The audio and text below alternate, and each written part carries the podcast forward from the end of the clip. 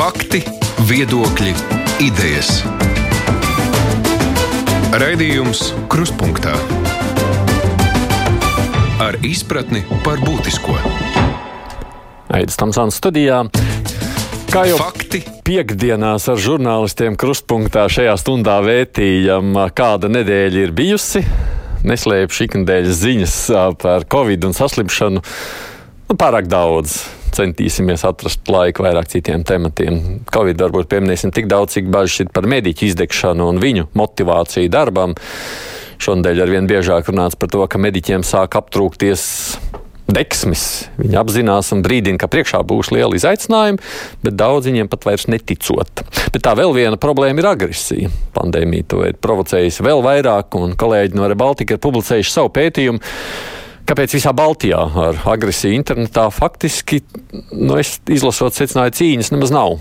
Daudz saņem dzīvības draudus, reakcijas nekādas vai ar to ir jāsamierinās. Nu, gribu runāt arī par skolām, par jaunumiem izglītības sfērā, par aizbēgušiem migrantiem no muciniekiem, mazliet varbūt arī par politiku. Mums komentētāja pulciņš šoreiz ir tāds - Pauls Rauceps no žurnāla Ir. Sveiks, Paul! Sveiks, Aigi! TV3 žurnālists Ivo Butkevičs. Sveiks, Ivo! Labdien! Gunārs Reiders, Latvijas televīzija. Aidis, sveiks! Jā, un arī Mārija Ansona, man kolēģi radio. Labdien!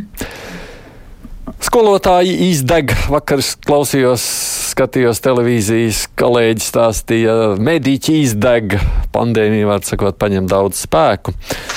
Tas neatliekamās palīdzības dienesta vadītājs Cipulis teiktais par to, ka priekšā vēl ir pamatīgi izaicinājumi, bet viņiem vairs pat netic, ko darīt. Ir tur kāds, nezinu, risinājums vispār, Paula. nu, kāds ir risinājums? Cilvēkiem vairāk jāvakcinēs, lai nebūtu tik milzīgs spiediens uz veselības sistēmu. Es domāju, ka tas ir pirmais un galvenais, kas, protams, es, ja es būtu mediķis, es arī būtu nomākts skatoties uz to, ka sabiedrība kopumā izturās bezatbildīgi, bet man gala beigās būs par to. Tad, Jāstrādā tad, tad viss tas divreiz. jāsasmēļ, jā, teiksim, nu, jo tur jau. Nezinu, tas, tas man liekas, un, uh, un vislabākā palīdzība būtu, ja uh, valdība un saimnes spētu spērt izlēmīgākus soļus, lai veicinātu vakcinēšanos. Nu, mēs redzam, teiksim, tur nāca ar vienu priekšlikumu, tad paši nobijās, tad kaut ko atsauc. Nu, nu, tā ir. Nu, Tad, mēs domā, esam- tad, tu domā, tas būtu stimuls arī mediķiem? Nē, es, es domāju, ka ja mediķi justu, ka valdība un saimnes vairākums rīkojas tā, lai nebūtu, lai šis uh, tsunami, kas nāk virsū veselības aprūpas sistēmai, lai to kaut kādā veidā amortizētu un mazinātu, tas nu, vismaz tas dot viņiem tādu pārliecību, ka uh, kāds aizstāv arī viņa intereses. Es domāju, tas būtu svarīgi. Mm, šobrīd tā kā pietrūkst tāda tīri pat politiski ja, atbalsta. Tautā. Nu, no, man, no manas viedokļa skatoties, jā, es domāju, ka, teiksim, ka teiksim, tā, tas, kas notika pēdējā mēneša laikā, kā aizsūtījusi, nu, drusku vairāk kā mēneša laikā, kā aizsūtījusi uh, saimu likuma projektu, ko tad pēc tam atkal paši atsauca, ja kas būtu veicinājis vēl vakcinēšanos, es domāju, ka tas nav labs signāls. Gondar. Man liekas, ir ļoti grūti kādu recepti atrast. un Tas sasaucās droši vien ar ļoti daudz ko, to pašu, kur pieminēja arī agresiju sociālos tīklos, citur pret, pret, eh, pret eh, citādi domājošiem. Un, protams, ka domāju, izdegšana tas skar daudzas sfēras un, būs grūts gads mediķiem un citiem par to, ka valdība vai saimā nesteidz pieņemt konkrēts lēmums. Tā arī problēma. Es domāju, ka tas arī saistīts ar, ar vēlēšanu gadu, un, un cilvēki, politiķi šobrīd arī pat nezina, kā reaģēt. Mēģināt kaut kādas aktīvas rīcības uh, pieņemt un lēmumus, vai tieši otrādi mēģināt izlīferēt, izlavierēt starp, starp dažādām sabiedrības grupām, kur no vienas puses saka, ka mums vajag atļaut dzīvot beidzot ar pandēmiju normāli. Un, un otrs, protams, kas prasa, prasa stingrākus un striktākus ierobežojumus. Un, um, jā, tā, tāds grūts, grūts periods priekšā. Jā, es tur, turpinu, Pauli.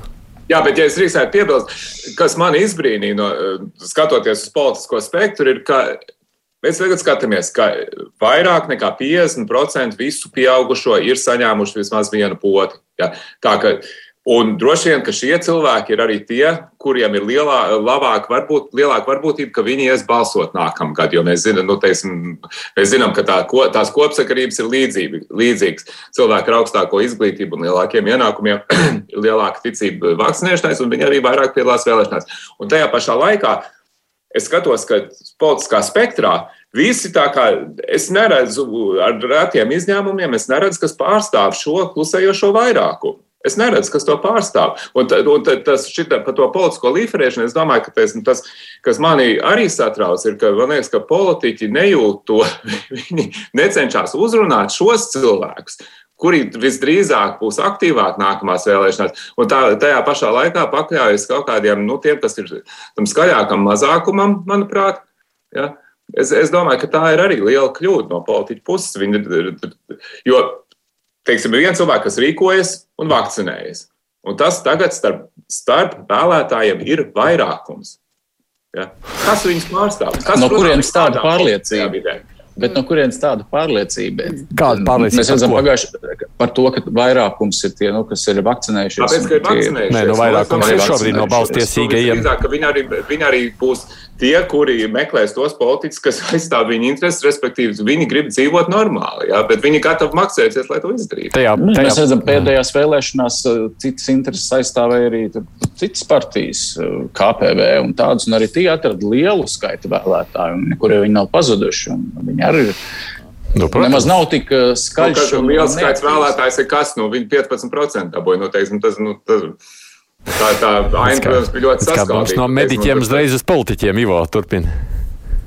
Uh, nu, uh, man šķiet, ka, jā, ka ir kaut kādas atsevišķas vietas, kur vienkārši jāpasaka, ka nu, nu nav jau tās brīnuma recepts, nav jau skaidra risinājuma. Vienkārši atbildes, ko īsti labāk darīt. Uh, mēs tagad varam redzēt, ka arvien vairāk arī rietumu valstu iet uz tādiem drastiskākiem uh, risinājumiem, lai panāktu vakcinēšanos. Man, jo, Nu, man joprojām ir tas uzskats, un es pie tā turos, ka tam ir jābūt brīvprātīgai izvēlei un uh, atlaist cilvēks no darba. Tās lietas man šķiet, mēs iekodējam tajā sabiedrībā tādā veidā, nu, tik milzīgu sašķeltību, ka tas nav vajadzīgs. Manuprāt, tāds iezīgāks variants ir varbūt kaut ko domāt par testiem vairāk, varbūt skatīties, nu, kaut kāds cits risinājums. Tā vakcinācija kā brīvprātīga izvēle, manuprāt, ir jābūt tādam fundamentālam. Bet ir, no. vēl viena, vēl viena lieta šajā visā, man šķiet, ka tur mums sagaida vēl viens, tā teikt, ne tikai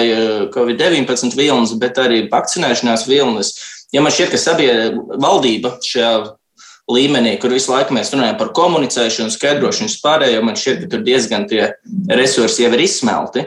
Un, manuprāt, īsti nekas nestrādā labāk par piemēriem ģimenē, piemēriem draugu lokā, un es nedomāju vakcinēšanu, bet es domāju ar bēdīgākiem variantiem, kad cilvēks saslimst. Un līdz mums arī ies šis jaunais vilnis, būs krietni lielāks. Man šķiet, ka būs arī uzrāviens attiecībā uz vakcināciju. Tiesa no. gan no nu, samērā drūmu iemeslu dēļ. Bet tas mans jautājums, ja jūs atceraties, bija sākot par mediķiem. Jo es jau teicu, man tā vakcinācijas tēma arī pašam kādā brīdī sāk likties, nu, pa daudz paliek. Nu, jo mēs visu laiku runājam dienu, nedēļu no nedēļas. Nu, ir situācija tāda, kāda ir. Var jau būt, ka var visu laiku runāt un vajag, bet. Uh, es klausos tajā, nu, man personīgi tāda sajūta, dzirdot tos mediķus, ka tur tā kā ar katru nedēļu tāds lielāks, nu, nogurums, tad apātija, tad izmisums parādās, sakot, nu viss, nu viss. Mēs jau saprotam, ka būs draņķīgi, bet te ne mums neviens uh, nezinām, ko darīt. Nu, es tieši no šī mediķu viedokļa.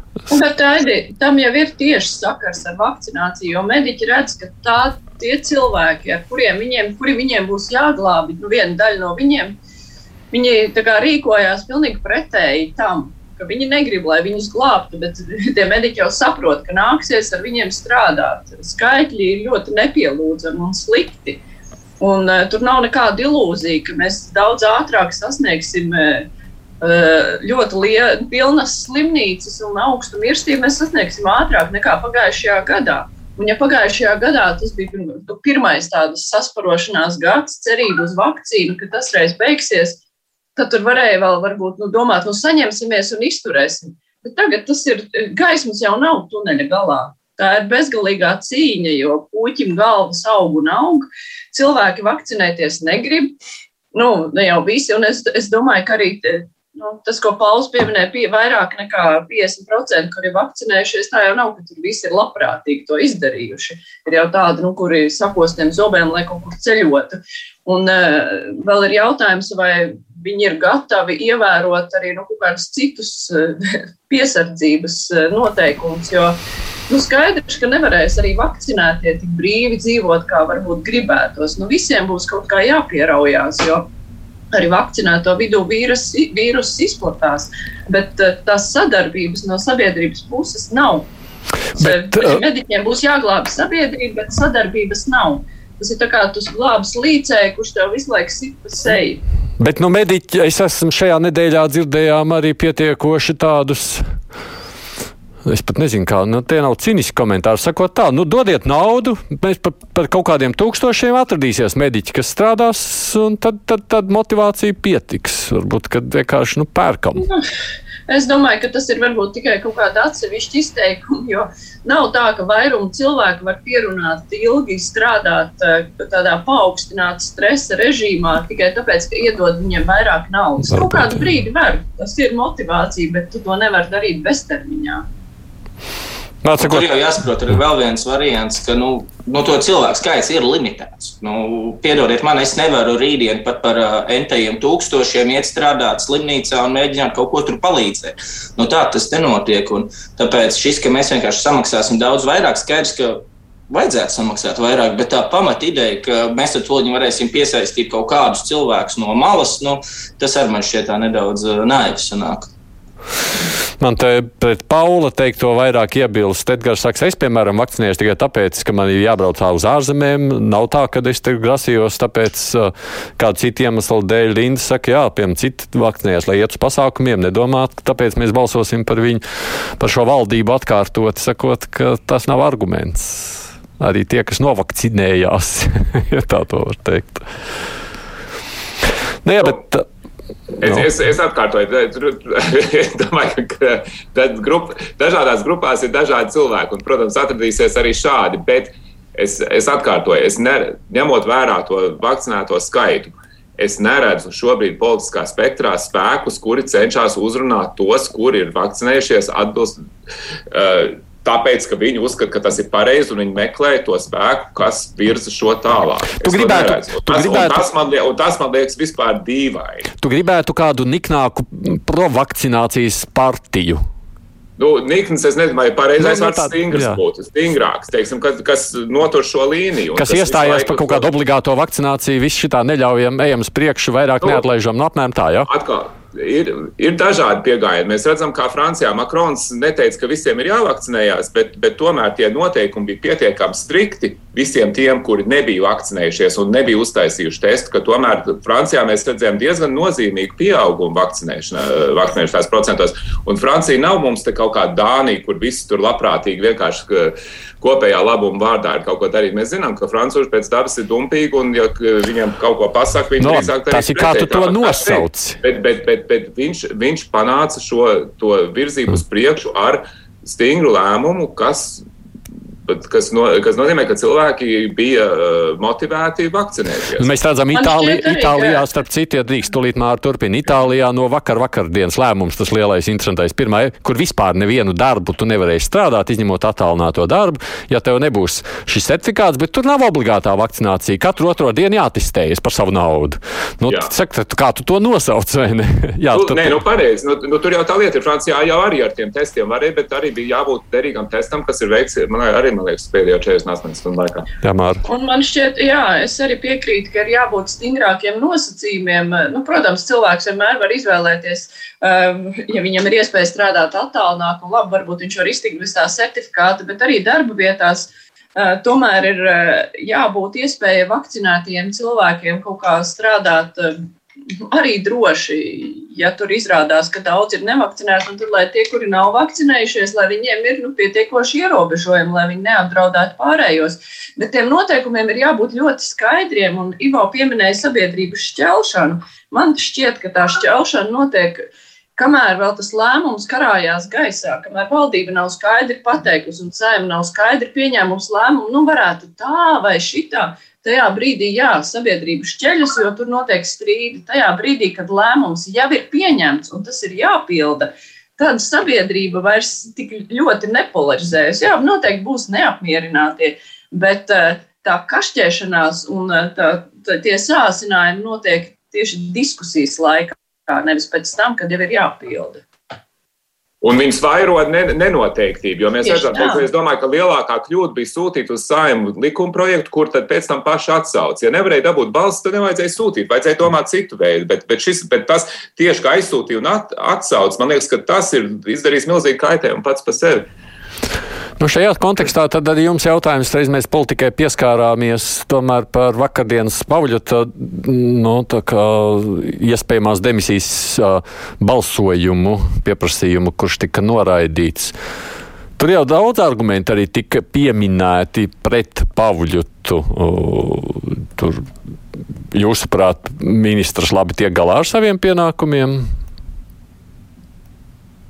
Hmm. Gundar, tu mazāk esi runājis. Ministrs jāapsveic ar ģimenes pieaugumu. Es saprotu, ka viņš Jā. arī šobrīd mājās daļai izbauda to, un, un, un, un, kā viņš teica, viņš arī strādā, bet ir nomainījies jau viens veselības ministrs. Un, ja, ja ir no tādas um, politikas viedokļa raugās, es teiktu, ka, ka tā viena liela kļūda, ko pašreizējā koalīcija ir pieļāvusi, arī runājot par kaut kādu atbalstu vai sabiedrības attieksmes maiņu, bija, bija tā, ka viņi nav līdz šim nomainījuši premjeru un valdību plašākā sastāvā. Nevis tur, nu, teiksim, izbīdot ārā to, kas palika pār no, kam pieder Latvijai partijas, bet es domāju, ka šī nenoteiktība kaut kādā veidā šobrīd jau arī nu, tīri politiski to viņu asociē arī pašreizējo tieši Kariņu valdību un arī Kariņu figūru, kas, protams, ir ļoti daļā sabiedrības eh, jauki uztverts un, un, un, un, un patīkams premjerministrs, bet tajā pašā laikā politika prasa. Un, un es domāju, ka tas būtu drosmīgs solis no koalīcijas šobrīd nomainīt valdību. Tas bija jāizdara pirms tam un, un, un nākt ar jaunu spāru, ar noteiktāku kaut kādu vismaz, vismaz eh, to rīcības, rīcību politiku un lēmumiem, kas, kas tiktu virzīti noteikti. Bet pati koalīcija jau ne, nav noteiktā, kāda jēga tur mainīt Jā, es, premjeru, jo viņi jau būtībā nu, neatbalsta. Es saku, es, nu, es saku, tas ir tāds jautājums, kā tu taisi politiku. Poli es, es domāju, ka koalīcija, nu, ja koalīcija nav uz to spējīga, tad nav uz to spējīga. Nu, tad, tad arī nu, tad gaidām nākamā gada vēlēšanas un nebrīnīsimies. Mēs jau redzam, kas atsaucas tos priekšmetumus priekšlikums. Tas jau, priekšlikums, tas jau nebija premjerministrs, kas gāja pa priekšu, tie bija koalīcijas partneri. Kas, kas uzreiz kāpās atpakaļ saimā. Nu, es izteicu savu viedokli no tāda viedokļa, ka tā ir normāla politika. Tas nav nekāds ne pasaules jā. gals, nekas. Nu. Ko jūs sakāt par valdības tikšanu galā, vai tomēr atbildību un iespējas pārskatīt, kā viņi strādā uh, Ivo? Nu, Par pašu demisijas pieprasījumu eh, es saprotu, ko dara opozīcija. Eh, šķiet, ka kaut kāda viens eh, etaps, kas bija varbūt tas vakcinācijas posma ieskriešanās laiks, kad teorētiski bija kaut kāds kritiskais punkts, kur varētu to prasīt. Tika palaists garām. Šis bija otrs punkts. Mēs atceramies šīs kļūdaini izplatētās devas jauniešiem, uz ko arī daudz atsaucās. Nedaudz opozīcija, protams, turpina spēlēt pašu savu spēli un nedaudz politisku teātri, jo skaidrs, nu, nu nav jau nu, atnāks, nezinu, Pāvļuta vietā Ilmārs Dūrīts vai kāds cits no attīstības par, nu, vai kaut kas mainīsies pēc būtības. Nē, tādā ziņā ir interesants aspekts, ko Gunārs pieminēja par to potenciālo valdības sastāva plašāku mājiņu, tā skaitā ietverot arī premjeru, vai to nevajadzēja darīt. Tas, manuprāt, ir ļoti diskutabls jautājums, jo uh, esmu diskutējis ar vairākiem žurnālistiem, kā mēs raugāmies šo valdību. Šī ir tā pati kariņa valdība, kas sāka, vai šī ir jau otrā kariņa valdība. Tur mums dažkārt viedokļi dalās, bet Skaidrs, ka lielā mērā Kariņa valdībai pāri ir visu to iepriekšējo kļūdu ēna, sākot ar neiepirktajām vakcīnām. Tur bija masku iepirkumi, tur bija vakcinācijas procesa organizēšana, tā tālāk, tā joprojām. Tas ir pārvērties kaut kādā uzticības krīzē un milzīgā. Vai tas uzlabotos pie cita premjera? Iespējams, nedaudz, bet iespējams uzlabotos. Jo pat ja nevienmēr varbūt personīgi tur Kariņš vienu vai otru vai trešo lēmumu pieņēmis, ir skaidrs, ka nu, viņš atbild par valdības darbību kopumā un tās kļūdas man, man šķiet, ka tā ēna joprojām velkas ļoti līdzi. Mm, Pauli, tu teici, ka tu gribētu lielāku noteiktību. Ko tu domā par? Jā, nu, um, jā tas, ja es redzētu ticama alternatīva, tad būtu par ko runāt. Bet šeit mēs tā runājam, jā, mums nepatīk esošais, bet ko mēs, Gunter, ko tu likt vietā, tad nosauc to, to alternatīvu. Jā. Jo, teiksim, mēs jau redzējām, es domāju, ka vasaras sākumā jau bija tāds mēģinājums sašūpot šo valdību. Nu, rezultāts bija, ka nomainīja dažus ministrus. Es domāju, ka kopumā veiksmīgi, es domāju, mužnieces kundzes, teiksim, tas, tas, kā viņi darbojas šajos mēnešos, uz mani ir atstājis labu iespēju. Es domāju, ka arī Pavļuts labi strādā noteikti labāk nekā Viņķela. Viņš ir tomēr nu, teiksim, to darbu, kas viņam bija jāizdara, to viņš ir izdarījis. Viņš ir arī diezgan stingri turējies pie uh, uzstādījuma, ka ir jāvakcinējās, un, un, un arī, es domāju, aizstāv arī mediķu viedokli uh, valdībā. Tā ka es, nu, tā, es teiktu, ka tas uzlabojums, kas bija vasaras sākumā, tur ir nes, un arī, teiksim, gada sākumā nes kaut kādu labumu. Un, ja mēs runājam par alternatīvām, nevar, tas nevar būt kaķis maisā, ir jābūt kādām konkrētām variantam. Un, teiksim, tad, kad mēģināja valdību šūpot eh, pavasara beigās, vasaras sākumā, eh, man tā sajūta bija, ka tas rezultāts eh, valdības kāšanai būtu vēl sliktāks. Jo, jo tie, kas, tie, kas šūpo, no mana viedokļa skatoties, ir tieši tie, kas arī piespēlē un mēģina teiksim, kaut kādā veidā auklēties ar uh, vakcinācijas noliedzējiem, jeb apšaubītājiem. Es, nu, teiksim, varbūt arī sliktāk varianti. Tur jau tā problēma.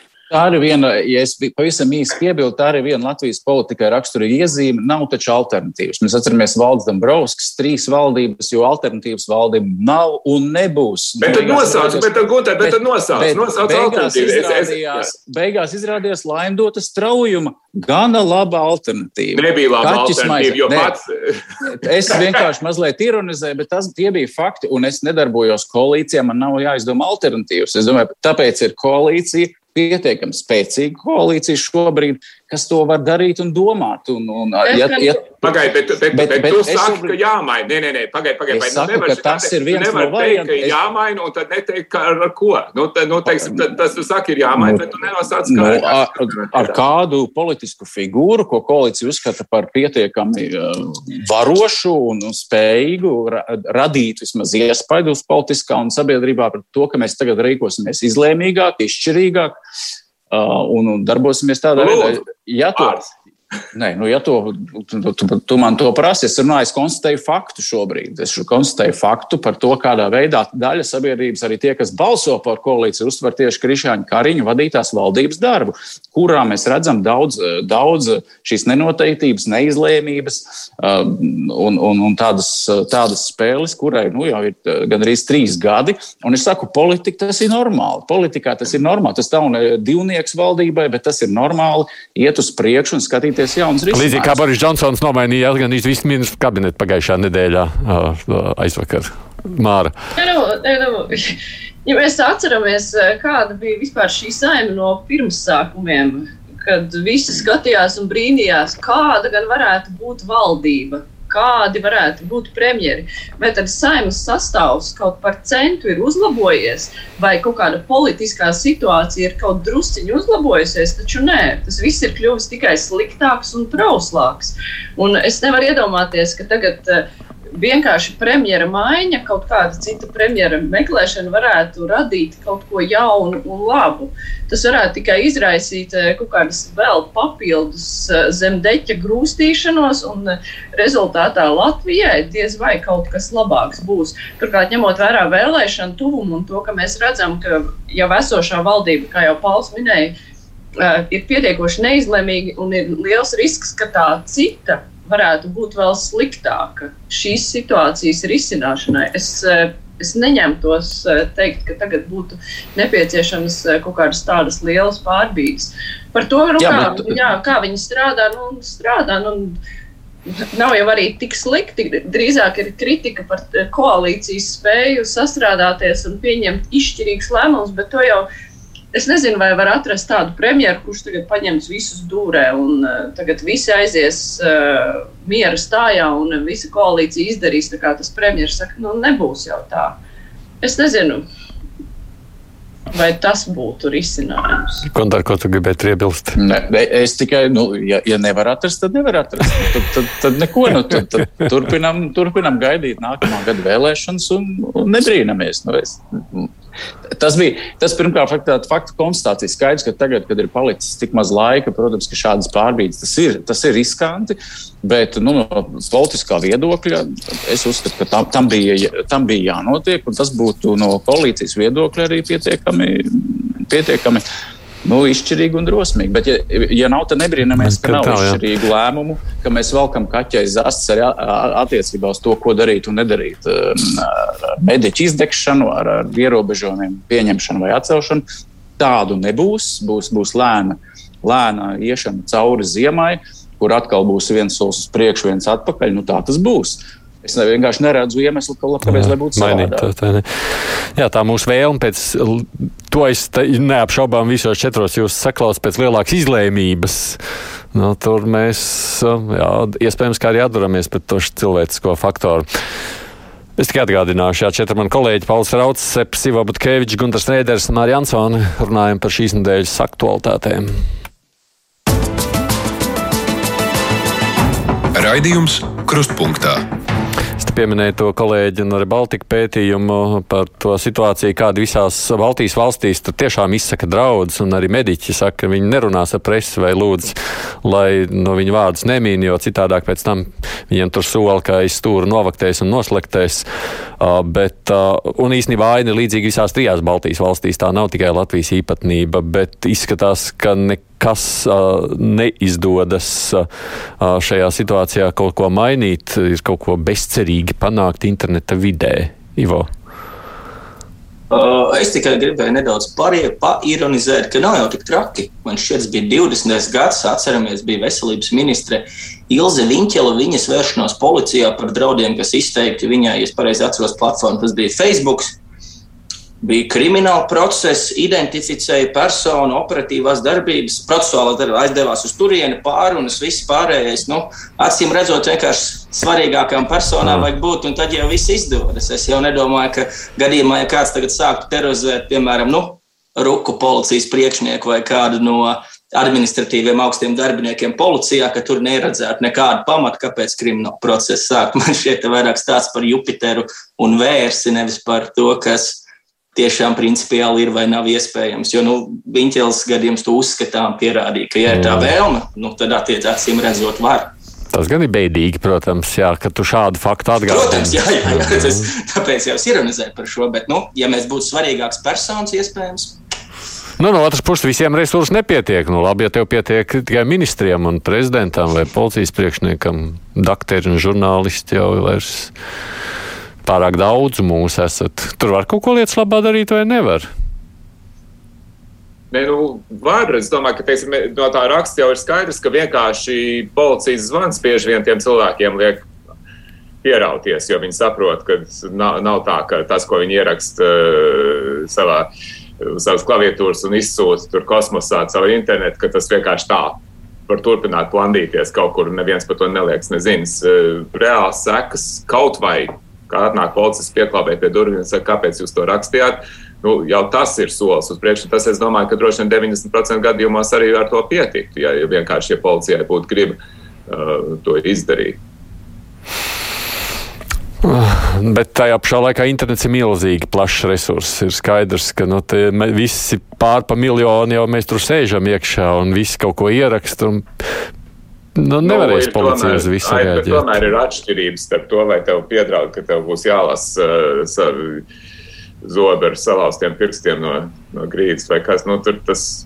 nu, piemēram, es esmu saņēmis šādu veidu zvanus, pat tiešām, kur saka, jā, ka viņi zina, kur es dzīvoju, zina, cik man ir bērni, zina, kurā autobusā es braucu un zina, kurā vietā man var novaktēt. Nu,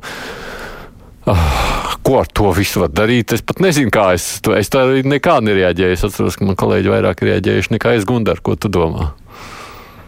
Nu, jāstiprina iekšlietu struktūrās šīs kibernodaļas, un, un tas ir izskanējis arī publiski. Un es, es piekrītu, tur dažreiz nevajag daudz, un, un, un, un, un policijas darbs kaut vai ar vienu zvanu, ar, ar kaut kādām nu, parauga prāvām, ja nepieciešams, to var mainīt un diezgan, diezgan, diezgan spēcīgi mainīt un diezgan ātrā laikā mainīt. Bet, bet, bet tas ir jādara, jo man, nu, man varbūt es turbūt neesmu pievērsts teiksim, tādu uzmanību, ka tiešiem draudiem, bet nu, ir bijušas situācijas, kad kibervidē, piemēram, parādās vārds, piemēram, tavs vārds, ka tu tur reklamē kaut kādas preces un, un, un vai, vai, vai iespēju gūt milzīgus milzīgu peļņu no kaut kādām darbībām. Tad es aizdevos arī uz policiju, un, un, un tas beidzās pilnīgi ne ar ko. Absolūti ne ar ko. Man bija tāds iespējas, ka tie cilvēki, kas man tur sagaidīja, viņi jau, jau uzreiz zināja, ka viņi neko nedarīs. Un īsti pat tie jautājumi, ko man uzdeva, es sapratu, ka tur, tur nekā nebūs.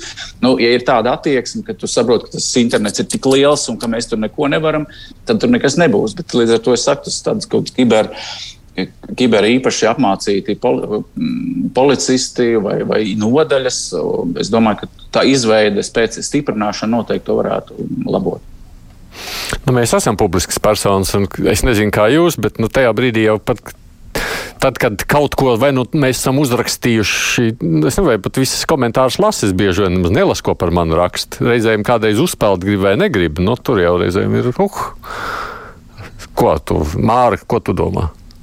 Nē, nu, man šķiet, ka galvenais ir, eh, lai policija, nu, ja tas cilvēks, pret kuru vēršas, ja viņš uzskata, ka tas ir viņam apdraudējums un viņš iet uz policiju, vissvarīgākais, lai no policijas puses uh, ir uh, nu, tāda attieksme, ka patiešām uz to tiek reaģēts, ka tas netiek tā noslaucīts uh, projām. Jo Pauls jau teica, ka viens zvans lielākajai daļai tas jau būtu līdzēts. Jā, mēs zinām arī, ka policijai trūkst resursu un uh, par uh, policijas uh, labāku atalgošanu, kas varētu arī droši vien palielināt policijas darbinieku skaitu, kas arī varbūt strādā tieši ar šādiem noziegumiem, ka tas ir, jā, tas ir jāstiprina.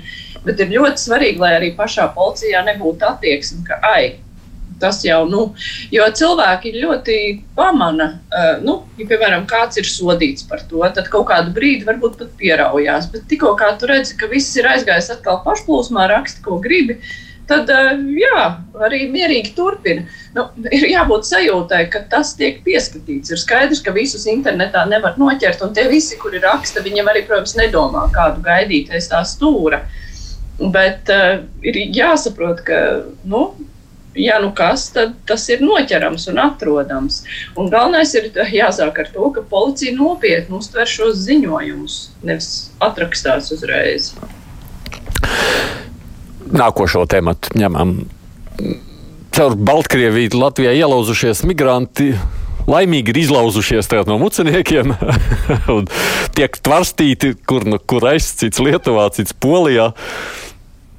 Ko sakāt par šo ziņu, Ivo? Uh, jā, mani nedaudz jāsaka, šī nav tēma, kur es vispēcīgāk orientētos. Nu, vispār, no, bet uh, kopumā jā, man nedaudz pārsteidz, ka tu tā vienkārši vari nu, piecelties un aiziet, kur tu gribi, un uz Lietuvu, Poliju un vispārējo. Nu, laikam jau es pieņemu, ka tā gluži nevajadzētu būt, ka tā var notikt. Un uh, kaut kas varbūt tomēr prasītos lietas labā darām šeit. Ma, ko tur var darīt? Cietumā viņus ielikt, sargāt, vajadzētu stingrāk viņus apsargāt. Nezinu. Pauli, tev ka cilvēks, ka cilvēks, kas ir ieradies Latvijā, pieprasot patvērumu, nu, viņš nav noziedznieks. Tur, es domāju, ka tur jau tas ir diezgan daudzi, kuri ierodas un dzīvo un gaida lēmumu par to, kāds viņiem status tiks pie, piešķirts. Ja, teiksim, tā, tas nav Tas nav nekas neparasts, kad viņi netiek nosūtīti. Es nezinu, nu, kā, nē, nē, bet kā mēs redzam, daudzi negaida. nu, jā, nu, jā, bet, redz, bet, bet, bet, bet, savā, bet savā ziņā, nē, nu, tā pavisam ciniski izsakoties, ja viņi aizbēg uz Vāciju, tā nav mūsu problēma. Ne? Jā, es gribēju tev teikt, tā ir Vācijas problēma. Nu, jā, tā, nu, ja, es, ja es tā pavisam tā, es, taču, es nezinu, cik no kolēģiem atcerās, bet uh, 90. no gada pirmā pusē bija pat gadījumi, kad tur tās, nu, tie paši kurdi, ja, teiks, teiksim, tik vienkārši bez policija viņas ielika laivā, teica, tur ir Zviedrija, un lai viņi dodas tālāk. Jā, nu, teiksim, tā, tas, Tagad es saku, teiksim, ciniski skatoties, tā īsti nav mūsu problēma, ja viņi tā ir izdarījuši. Jā, teiksim, tas, nu, un, un savā, tagad, tagad, kad viņi atbrauc atpakaļ, teiksim, protams, es domāju, nu, pirmkārt, tas viņi jau tā mazās iespējas iegūt to patvērumu vēl krietni samazina, un viņi, es saprotu, tiek ielikt arī kaut kādos tādos stingrāk režīmu. Uh, tur izmitināšanas. Nu, tā ne tikai nav mūsu problēma. Es domāju, mēs esam priecīgi, ka viņi laimīgi dodas prom. Mums par viņiem vairs tur nav jāuztur, jābaro un vispārējais. Nē, nu, bet tas jau ir uz brīdi. Kaut kādā brīdī viņi jau nonāk atpakaļ, jo viņi, nu, viņi jau Vācijā nevar nonākt līdz Vācijai, kas ir acīm redzot bijis arī viņu gala mērķis. Tur viņi, atvainojas, nonāk, nu, tiek pieķerti kaut kur bez atļaujām, bez dokumentiem nu, tad jau sāk šķetināt, no kurienes viņi tur ir gadījušies. Domā. Visi, kas tika atceramies savu laiku, bija tā bēdīgi slavenā pārcelšanas programma, cik tur valsts uzņēma katrs. Jā, mums arī bija tie saviekumi. Neviens jau nepalika Latvijā, viņi visi pazuda ārpus Latvijas, un man liekas, ka neviens jau legāli ārpus Latvijas nepazuda. Viņi visi, līdzīgi kā šie migranti, aizdevās prom uz Vāciju. Mēs jau neko nezinām, kur viņi pazuda. Viņi nav atgriezušies. Nav atgriezušies laimīgi prom un tā. Nu, tas arī nav pārsteigums. Nu, laika galā ir zināms, ka ne jau Latvija Jā, ir rūtas retajam, Latvija ir mērķis. Nevienam, nevienam. Un, protams, ka tā kā neviens nevienam. netiek turēts aiz restēm, tad cilvēki ierauga, ka patiesībā pārvietošanās ir tīri vienkārši kaut kādi sakari, tad viņi jau dodas arī pie radiem draugiem. Viņiem arī kaut kādu atbalstu sniedz un tad uh, dodas tālāk. Nu, ko mēs varam īsti izdarīt? Neko, Neko. Aiz, aiz atslēgas turēt arī nevaram. Ļoti labi, Ivo. Tas jau arī parāda to kaut kādu kopējo tendenci vismaz uh, daļai no šiem cilvēkiem. Man šķiet, uh, deputāts Judins bija tas, kurš uh, teica, ka, nu, ja tu esi bēglis un ja tu bēdz, tad tu bēdz no kaut kurienes, nevis uz kaut kurieni ja tavs primārais gala mērķis tādā gadījumā ir tikt uz pirmo drošo valsti, nevis uz uh, valsti, kur iespējams uh, atbilst tavām uh, vēlmēm par uh, dzīves līmeni un labklājības līmeni. Hmm. Nu, te, tajā pašā laikā Raivis raksta, vajag izveidot slēgta tipa nometni, kamēr izskat to pieteikumu. Un tad uz mūciniekiem sakot, ka vajag viņus mazliet sargāt. Uh, Gundar. Nu, Viss jau, viss jau ir pateikts par to. Man tur pat nav ko piebilst. Man, nu, daudz vairāk. Nu, faktiski tikai tas, ka tas, protams, disonē ar to, ka, ja tev saka, vai iekšlietu ministrija, vai, vai, vai vēl kāds, kas saka, ka mēs situāciju kontrolējam um, kopumā, tad, tad nu, tas kaut kā disonē. Un, un man, protams, vairāk uztrauc, kas notiek ar pašu robežu, pašu robežas apbūvi, pārbūvis. Un, un, un visu to kavēšanos, kas ir pēdējos gados notikusi. Un, un, un, un, un man drīzāk vēl tieši arī eh, Levits, Egils Levits, kad viņš uzrunāja saimē, teica, ka nu, valsts robežsardze atšķirībā no mūsu medicīnas sistēmas ir godam izturējusi bēgļu pieplūdumu. Man liekas, ka tas ir tieši tikpat, kā mēs godam izturējām to pirmo vilni, pašā Covid sākumā, un tad, kad, kad īstam bēgļi sāka nāk, sāktu nākt tad nu, man, es, es tiešām nezinu, kas, kas, kas notiktu. Ja tie būtu nevis daži desmiti, bet tie būtu simti vai tūkstoši, kā Lietuvā, kur mums vispār nav nekāda žoga vēl aizvien. Un, un tur nu, tā ļoti tas. tas Šobrīd tie soļi tādi, tādi nu, gribētos viņus pārliecinošākus redzēt. Ar, nevis tikai ar, pirmo iepirkumu, par žogu iepirkumu vēl nav skaidrs, kas viņu cels. Tie ir tikai tie pagaidu pirmie metri, kilometri. Nu, Tas būtu daudz svarīgāk. No, kas nozīmē, ka vāciešiem, eh, ja mēs redzam, Eiropā jau vēl joprojām ir diskusijas par to, kādai tai migrācijas politikai nākotnē vajadzētu būt. Līdz šim jau mēs esam pieturējušies pie šīs te vecās stila. Ik viens tiek ielaists, visiem tiek pārbaudīti dokumenti, un pēc tam Latvija te uzsāka vienu no tiem, um, arī vienu no pirmajiem, kas šobrīd rīkojās. Nu, ne, nebijām paši pirmie, protams, arī pirms Lietuvas jau līdzīgi rīkojas Grieķija un vēl, bet uh, ideiski kā tādu vāciešiem vajadzētu būt priecīgiem priecīgiem, pateicīgiem, ka mēs viņus nelaižam iekšā, jo viss jau beig beigās tāpat pie viņiem aizbēgtu. Uh, par izglītību parunāsim. Par skolām. Uh, šodien divas ziņas īstenībā ir runājumi par izglītību, kas skar šo jomu, augstskolu apvienošanu un vēlmu atteikties no šī principa nauda seko skolēnam. Es parasti esmu vecs cilvēks, es secināju, lasot šo ziņu. Es atceros, ka es taču pats esmu vadījis nevienu raidījumu, savulaik raidījumā krustpunktā par to, kā vajadzētu ieviest principu naudu seko skolēnam, cik tas būtu labi un cik tas būtu progresīvi, lai beidzot varētu skolas savā starpā konkrēti par bērniem izglītību būtu kvalitatīvāka. Mēs vairākus gadus strādājam pie tā, lai šo principu beidzot ieviestu. Un nu ir, un te tev nu bija. Vajag atteikties no šī principa. Izrādās, ka nekas labs tur nav sanācis. Kāpēc tā? Jums ir Nu, šādi? tā, tā, ideja, tā ideja jau ir eh, laba un saprotama. Nauda seko skolēnam. Un, eh, lai skolas konkurē, tikai dabā mēs redzam, ka, nu, ka tās labās idejas kā nu, tiek realizētas. Jo eh, tur jau nepietiek ar to, ka nauda seko skolēnam, bet ka ne tikai skolas konkurē savā starpā, ka varbūt arī pašvaldības konkurē savā starpā atbalstot skolas. Nu, es, tikai, es tikai domāju par tiem. Tur bija tādas trīs jauni virzieni, kā varētu turpmāk strādāt. Nu, labi, nu izvēlēsies kādu no tiem virzieniem. Nevar jau tagad arī pateikt, kurš tad būs tas labākais. Es domāju, ka par to arī dikti strīdēsies, bet un tas jau var beigties tieši ar to pašu. Ka atkal izrādīsies, ka ir šausmīgi labs sākums, un pēc tam, oi, nepiepildījās. Tas nozīmē, ka pietrūkst kaut kādas tādas nu, ne vīzijas, bet tāda virsmērķa, ko tieši mēs ar šo reformu gribam sasniegt. Nu, teiksim, kādam ir jābūt tas, tam rezultātam, un tad skatīties, Nevar jau teikt, tas iet uz jā. to pusi vai neiet. Nevar teikt, ka nebija vīzija. Tolīt, Paul, es, un pa, nevar pat sacīt, ka šis princips tika pieņemts steigā. Tas tiešām tika daudz runāts, daudz diskutēts, ilgi pie tā strādāts. Mums nemaz tik ātri viņa ieviešanu negāja.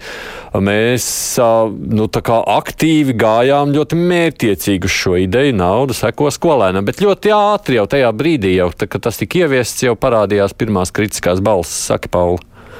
Es gribētu teikt, ka par to sāk runāt 90. gados, kad, protams, saprotam iemeslu dēļ, gan pasaulē, gan Latvijā ļoti visi mēģināja saskatīt, kā tirgus var palīdzēt noregulēt visādas at attiecības. Un tirgus likās kā labākais mehānisms.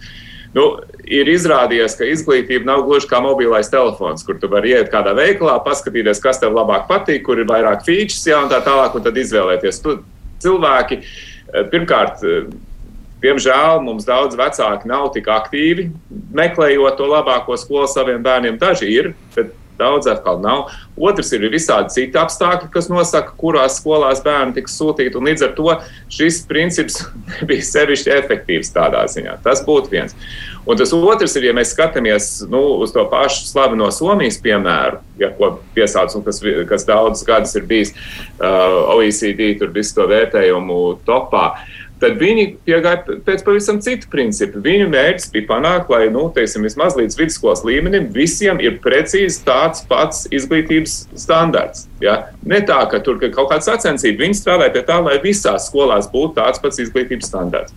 Bet tam ir zināmi priekšnoteikumi, kas, un es teiktu, ka, teiksim, izlasot mužnieces kundzes uh, to, to priekšlikumu un kā viņi to prezentēja, es domāju, ka ļoti pareizi tas, ka viņa meklē to mehānismu, kurš panāks skolu konsolidāciju. Jo es teiktu, ka tas ir viens no būtiskākiem kavēkļiem mūsu izglītības kvalitātei, kad mums ir ļoti daudz mazu skolu, kur nespēja nodrošināt adekvātu izglītības līmeni. Mums, uh, mums ir Pēc OECD datiem mums ir viens skolotājs uz astoņiem bērniem, kur pretī OECD kopumā tas vidējais ir viens uz 14. Mums ir gandrīz divreiz vairāk skolotāju bērniem nekā citur, bet mums tas izglītības līmenis ir ļoti, ļoti viduvējs. Un viens no galvenajiem iemesliem ir tas, ka šie skolotāji tiek ļoti neefektīvi izmantot, tāpēc ka skolas ir daudzas, mazas un nespēja līmeni nodrošināt. Un ja, ja šis mehānisms, un es nezinu, tur, tur, tur droši vien, ka tur ir daudz dažādas nianses, un viņš nav līdz galam izstrādāts, bet ja šis mehānisms spēj panākt šo konsolidāciju, tad tas būs liels solis uz priekšu. Mm. Labi. Gunter? Nebūs man ko piebilst. Saka, tas nav tavs jautājums, vai ne? Tu esi no tiem. nu, Es teikšu, godīgi, tiešām neesmu iedziļinājies un, un, un lai izteiktu kaut kādu viedokli šobrīd. Viss, vispār skolu tīkla optimizācija, tas ir dzirdēts daudzkārt par izglītības kvalitāti. Bet, um, no, labi. paldies kolēģiem. Ka, man, iespējams, ka man būs pēc tam precizējošāks jautājums Ivo. Man šķiet, man šķiet, ka kopā sakrīt uh, vienkārši divas lietas, kāpēc tā atteikšanās no tā principa tiek virzīta. Savā ziņā tas saglabājies, jo uh, skolēnu skaits pašvaldībā joprojām būs kritērijs atbilstoši tam, cik daudz naudu kaut kāda pašvaldība saņems. Nu, tas ir tajā priekšlikumā, ko ir izvēlējusies virzīt, ko nevis virzīt, bet ko par labāku uzskata pat izglītības ministre. Man šeit sakrīt divas lietas. Pirmkārt, vienkārši demogrāfiski izaicinājumi un nepieciešamība pēc kaut kādas tiešām šīs skolu konsolidācijas, lai varētu kaut kā to jēgpilnāk izdarīt. Otra lieta mums ir tikko bijusi mm, reforma teritoriālā, un pašvaldības ir lielākas. Vajadzētu tām būt arī administratīvi jaudīgākām. Nu, un, ja jau mums tas virsmērķis bija, ka mums tagad ir šādas spēcīgas vietvaras, nu, tad jau ir kā šķist par loģiski, ka viņas to savu kopējo izglītības saimniecību var veidot un kopt. Un skaidrs, ka to var labāk, ja viņi ir tie, kas nosaka, kā to naudu tālāk sadalīt savas pašvaldības ietvaros, nekā katra individuālā skola to izdara. Jautājums ir par to, ka tur tiešām tur būtu jāvajadzīgi, un es saprotu, ka arī būs. Uh, vēl uzrakstīt tādu skaidru kaut kādu satiksmes noteikumu ar tam, kā tas uh, viss notiks. Uh, gluži nevarētu tā, ka nu, mēs paņemsim 80% naudas un izmaksāsim uh, direktoriem vienkārši algās. Uh, pamatprincips, kas jebkurā gadījumā pat labi ir skaidrs, ka tur būs skolām nepieciešams nodrošināt to minimālo atlīdzības līmeni skolotājiem, tajā, kā viņi tālāk tur operē ar to naudu. Bet uh, priekšlikums pagaidām tiešām joprojām, cik es saprotu, arī klausoties to uh, mužnieces kundas tikšanos ar Līsda pārstāvjiem, ka šī ideja pagaidām tāda vairāk konceptuāla un skaidrs, ka tas apaugs jau ar kaut kādām uh, stingri konkrētākām lietām uh, laika gaitā. Nu, kamēr bija mazākas pašvaldības, iespējams, tas uh, nebija tik. Uh, nu, tāds tiešs jautājums, bet šobrīd, kad jau nu, pašvaldībām ir, nu, gan katrai pašvaldībai jau parasti 11 skolas, bieži vien, nu, labi, nu, jebkurā gadījumā lielajās pilsētās jau ir runa par desmitiem skolu, kādā Rīga, piemēram. Kā panākt to, lai tomēr ir tā nepieciešamība skolai censties? būt labākai, piesaistīt skolēnus, ja nu, kļūt par. Vajag šo principu saglabāt vispār. Nu, šo nepieciešamību skolai kaut ko darīt lietas labā, jā, Pauli. Ja drīkst, tā kā vienkārši mums es, šajā jautājumā esmu iedziļinājies, tāpēc, ka mums tikko bija raksts sērija par izglītību un tieši par skolotājiem un uh, izglītības kvalitāti. Uh, manuprāt, viens no būtiskākajiem aspektiem šajā ir uh, netik daudz konkurence. Jo es saku, es domāju, nu, es saku, izglītība nav mobilais telefons. Tu, nu, ar konkurences mehānismiem, man liekas, nepanāks to. Bet ir ļoti svarīgi, protams, atrast labākos cilvēkus un ielikt viņus pareizās vietās. Un te ir ārkārtīgi svarīgs direktora institūts. Nu jā, tas ir direktors. Tas, faktiski viss atkarīgs no direktora. Un, un es teiktu, ka ja ir kaut kas, pie kur mūsu izglītības sistēmas attīstībā varētu piestrādāt, ir tieši Uh, stingrākas prasības direktoriem, lielāka teiksim, nu, sekošana līdzi, kā viņi strādā. Jo direktors ir tas, kas nosaka. Un, teiksim, un tas ir bez jebkādas, ja, ja, ir, ja ir aktīvs, ieinteresēts direktors. Tas var ļoti daudz ko izšķirt. Bez jebkādas tādas konkurences, ir vēlams kaut kā piesaistīt. Nu, vienkārši direktors uzskata, ka tas ir viņa aicinājums, un viņš strādā. Un es domāju, ka tu vari atrast tādus cilvēkus. Bet ir svarīga arī pašvaldības līdzdalība, jo direktors, protams, viens pats arī nevarēs atrast tos labākos skolotājus, jo skola konkurē, skolas var konkurēt tikai ar skolotājiem. Ja viņiem ir labi skolotāji, tad tur vienmēr būs arī daudz bērnu. Nu, es nu pat arī saskāros ar jaunu skolu, kur tika apvienotas trīs mazas skolas, un, piedodiet, šī jaunā, liela izveidotā skola, nu, viņiem ir milzīgas problēmas tieši ar skolotāju piesaisti. Nevis tāpēc, ka varbūt direktors būtu slikts, bet tāpēc, ka no pašvaldības nav nekāda atbalsta. Jo pašvaldība arī var stimulēt, eh, var eh, pie, piedāvāt kaut kādus bonusus, un ja pašvaldība būs neinteresēta, tad skolotāji īpaši pierīgā, nu, viņi var izbraukāt mierīgi no vienas pierīgas pašvaldības uz otras pierīgas pašvaldību, un tur uh, nebūs problēma atrast labāko darbu vietu. Un tāpēc ir ļoti būtisks arī pašvaldības interesētība un atbildība. Bet tas, ko tur arī saka, šis ir tas dīvainais paradoks. Mēs dzirdējām jau šodien nevienu ziņu, jeb vēstījumu, sakot, mums taču skolotāji trūkst, ar vien vairāk skolām trūkst skolotāju. Un tad Pauls stāsta par, e, par šito te pētījumu, sakot, ka mums ir uz uh, divreiz skolotāji par daudz uz vienu bērnu. Tajā pašā laikā tā savietot mēs gadu gadiem nekādu nespējam šo. Tā ir ļoti kompleksa problēma, un tas viens aspekts, viens no svarīgākajiem ir tiešām šis ļoti saskaldītais skolu tīkls. Uh, Otrs, es pilnīgi piekrītu Mārai, protams, ir jābūt pašvaldības ieinteresētībai un atbalstam. Uh, un, teiksim, vien trešais aspekts, kuru lasot priekšlikumus, un kā, kā pareizi atzīmēja, tas ir tikai tāds uzmetums, tāds melnraksts, un tā redzēsim, kas tur būs detaļās.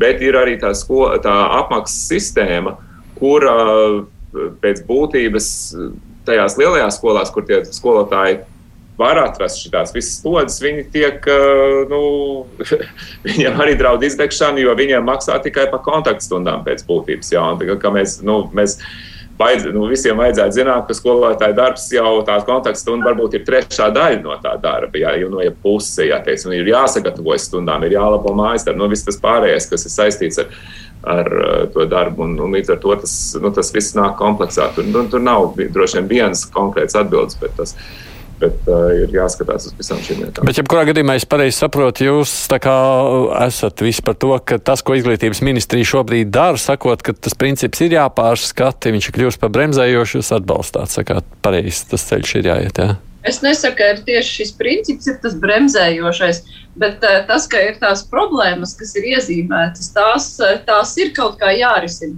Var jau būt, ka tieši nu, ar, mainot šo veco principu, to var izdarīt. Bet uh, nu, pagaidām tie piedāvājumi ir pietiekoši nekonkrēti. Vismaz es viņus nespēju uztvert kā kaut ko ļoti konkrētu, tāpēc tagad vēl nevaru pateikt, ka, ka tā, nu, kāds no tiem trījiem piedāvājumiem būtu labāks. Bet skaidrs ir tas, ka kaut kas ir jādara. Ka nevar palikt tā, kā ir. Vai tas ir gluži princips naudas sekot skolēnam atcelšanu, grūti jau pateikt. Mm. Es uh, arī piekrītu Mārai, jā, ka tas pagaidāms priekšlikums ir tāds ne ceps, ne vārīts. Uh, konceptuāli es redzu kaut kādu loģiku tur apakšā, tajā, kā mužnieks skaidroja, kāpēc tas ir vajadzīgs un kāds varētu izskatīties. Bet ir Eh, skaidrs, ka tur ir tas tālākais tehniskais izpildījums, ir eh, jāredz, kā tas tiks ieskicēts eh, krietni vairāk, lai tur tiešām varētu teikt, ka šis te tagad visu izglābs, uzlabos un tā tālāk. Par reģionālajiem augstskolām un to apvienošanu ir jau kādreiz runāts reiz vien, un gan jau mēs pie šī temata kādā no citām reizēm varēsim vairāk pievērsties. Es šodien saku paldies jums par iesaistīšanos Nu, tā ziņu apspriešanā, kas tādā publiskā telpā parādījās šajā nedēļā, Mārija Ansona, Pauls Rauceps, Ivo Butkevičs, Gundars Reders, četri mani kolēģi. Pirmdien kruspunktā uz lielo interviju būs Paula Stradiņa Klīniskās universitātes slimnīcas valdes priekšsēdētājs Rinalds Muciņš. Arī šoreiz Mārtu vadīsi sarunu. Par ko vidrunāsiet, ja par slimnīcu noslodzi? Nu, jā, jo ļoti daudz cilvēku satraucas eh, nu, ne tikai Covid sakarā, bet cilvēki, kuriem ir citas saslimšanas, kāda būs. Cik pieejama būs veselības aprūpe, vai viņi var rēķināties ar kaut kādām plānveida operācijām vai nu, kaut kādām likstām, kas jārisina. Tas jau tas uztrauc visus. Tāpēc arī eh, Covid jau nav bīstams tikai Covid slimniekiem, bet arī visiem mhm. pārējiem. Klausieties, tātad pirmdien lielo interviju Mārs Jansons sarunu ar Rinaldu Muciņu, bet šodien kruspunktā līdz ar to izskan. Producenta raidījumā bija Revi Junām un studijā bija arī es, Aidis Tomsons.